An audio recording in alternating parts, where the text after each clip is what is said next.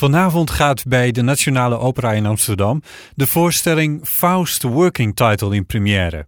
Het is een alternatieve seizoensopening, omdat de geplande uitvoering van Mephistopheles niet door kan gaan vanwege de maatregelen tegen de verspreiding van het coronavirus.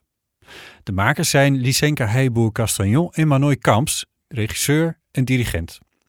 Ze noemen het liever muziektheater dan opera. Wat kan er wel, is de vraag in deze tijd. In de afgelopen acht weken volgden we voor deze podcast het maakproces.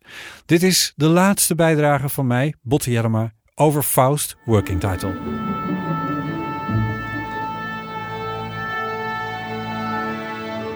Dit is het Nederlands Philharmonisch Orkest in de orkestbak van de Nationale Opera in Amsterdam. Het is dinsdagavond half acht en over een paar ogenblikken start de voorgenerale.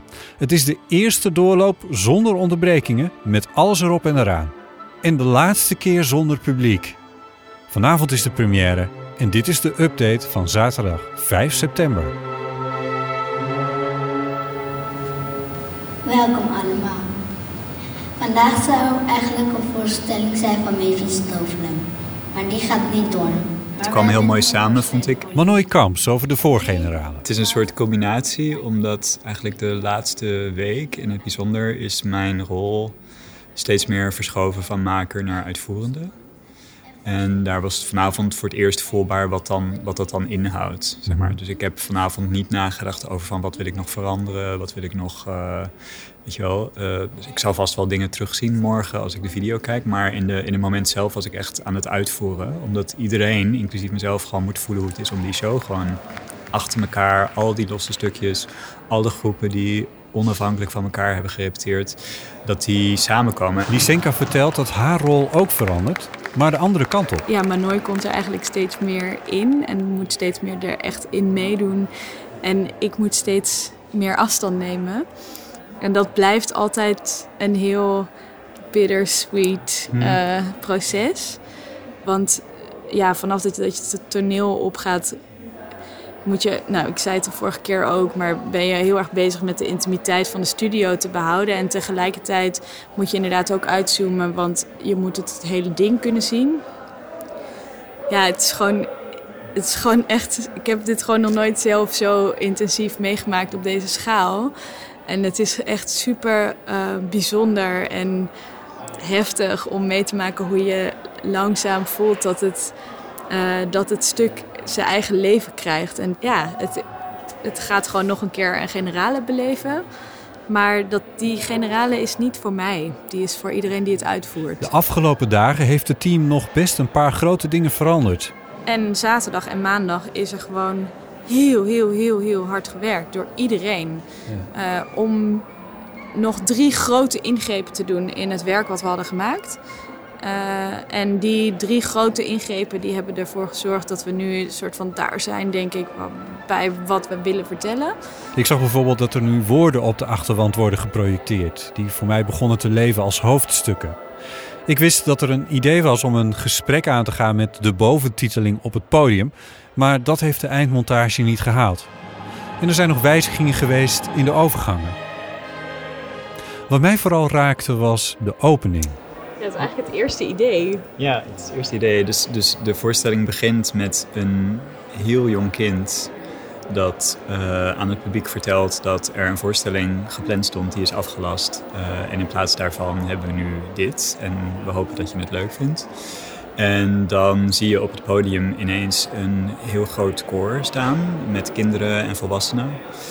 En dan start er een, ja, ik durf gerust wel te zeggen, monumentaal muziekstuk. En dat blijkt de opening te zijn eigenlijk van de oorspronkelijk geplande Mephistopheles, uh, de proloog. En dat is niet iets wat je als publiek hoeft te weten, eigenlijk. Uh, sommigen zullen dat weten en herkennen, maar als je dat niet weet, geeft dat niet. Want het doet eigenlijk precies wat een opening moet doen. Namelijk het, het stelt alle groepen aan je voor. En het, in dit geval wat ook heel bijzonder is, is dat we ervoor hebben gekozen om de hele ruimte te gebruiken. En daardoor is het eigenlijk een soort heropeningsceremonie geworden van, ook van dit theater en van dit uh, instituut. En dat heeft een soort bitterzoete uh, bijsmaak of zo. Omdat je natuurlijk bewust bent van wat er allemaal niet heeft kunnen gebeuren. Ik word een beetje emotioneel. Ehm, ja, je wordt je bewust van wat er allemaal niet heeft kunnen gebeuren, eh, maar ook van hoe bijzonder dit moment gewoon is. En eigenlijk vanuit daaruit, en dan heb ik het letterlijk over dat alle groepen op alle mogelijke plekken in de zaal staan en zingen en spelen en echt gewoon een enorme opbouw. Uh, dan denk je echt van wow, dit theater is gewoon weer open. En vanuit dat startpunt kun je eigenlijk de vraag gaan stellen van maar wat willen we er dan mee doen? En daaruit ontstaat de voorstelling. Maar niet voordat eerst dat hele, ja, letterlijk alle stoelen soort van hebben meegedreund met die opening. Dat is echt, eh, echt waanzinnig.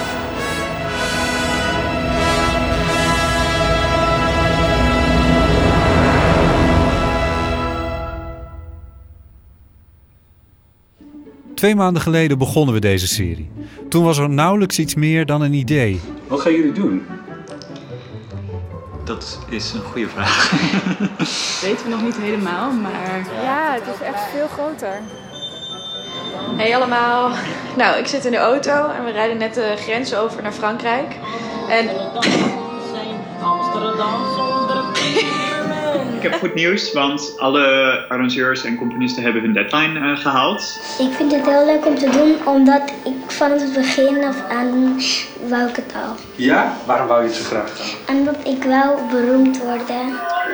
Oké, plot twist. Ik zit uh, momenteel achter mijn computer uh, de repetitie te volgen via mijn scherm. Dat is omdat ik ja, hele milde klachten had vanochtend. Aansluiten aan het hout vroeg weg? We gaan een, uh, een hok voor je maken. Ja. Hoe, hoe gaat het? Uh, nog niet zo goed, maar tenminste met mij. Maar dat is gewoon de zenuwen van zo'n eerste dag op het toneel. Ja, het is heel veel meer werk dan normaal. Ik hoop dat we de, een beetje de weg plaveien voor de toekomstige producties. Dus ik denk wel dat het veel meer werk blijft voor ons allemaal.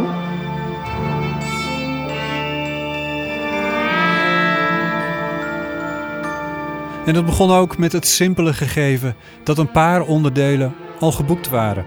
Onder wie de kinderen. Wat zo leuk is aan met kinderen werken. En ook al deze kinderen die meedoen aan de voorstelling hebben stuk voor stuk zoveel talent. Ehm, ja, dat klinkt misschien heel gek, maar je hoeft ze niet echt te regisseren je moet er gesprekken met ze hebben. Wat ik heel mooi vond was uh, een van onze belangrijkste adviseurs, eh, Mele Yamomo, die was vorige week bij de doorloop. En die zei iets heel moois, namelijk dat eigenlijk hoe de kinderen met de objecten en de ruimte en met elkaar en met de volwassenen omgaan, dat is eigenlijk een soort van het voorbeeld dat we allemaal in de voorstelling uh, kunnen volgen omdat eigenlijk die wereld die zij zien in een simpel object, wat misschien voor ons helemaal niet meer die, die spanning heeft of zo. Maar als zij zeggen van ja, dit is, nu, dit is nu een cape, of dit is nu een huis of een kasteel, of dit is nu dat, die overtuiging, die is gewoon iets waar wij alleen nog maar van kunnen dromen, zeg maar. Het koor heeft geleerd van de kinderen en het de kinderen hebben geleerd van de mensen in het koor. We hebben heel erg actief soort van genegeerd dat er kinderen en volwassenen in de ruimte waren, maar gewoon mensen.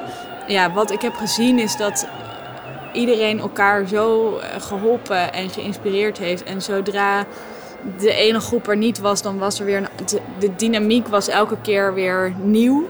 En dat heeft voor een soort openheid gezorgd en een soort wil om van elkaars energie iets te leren.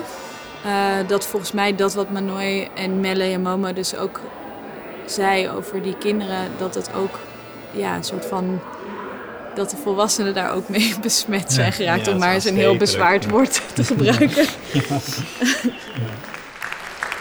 So the team and I are looking forward to the shows immensely. Uh, we see each other on Thursday for the final dress rehearsal.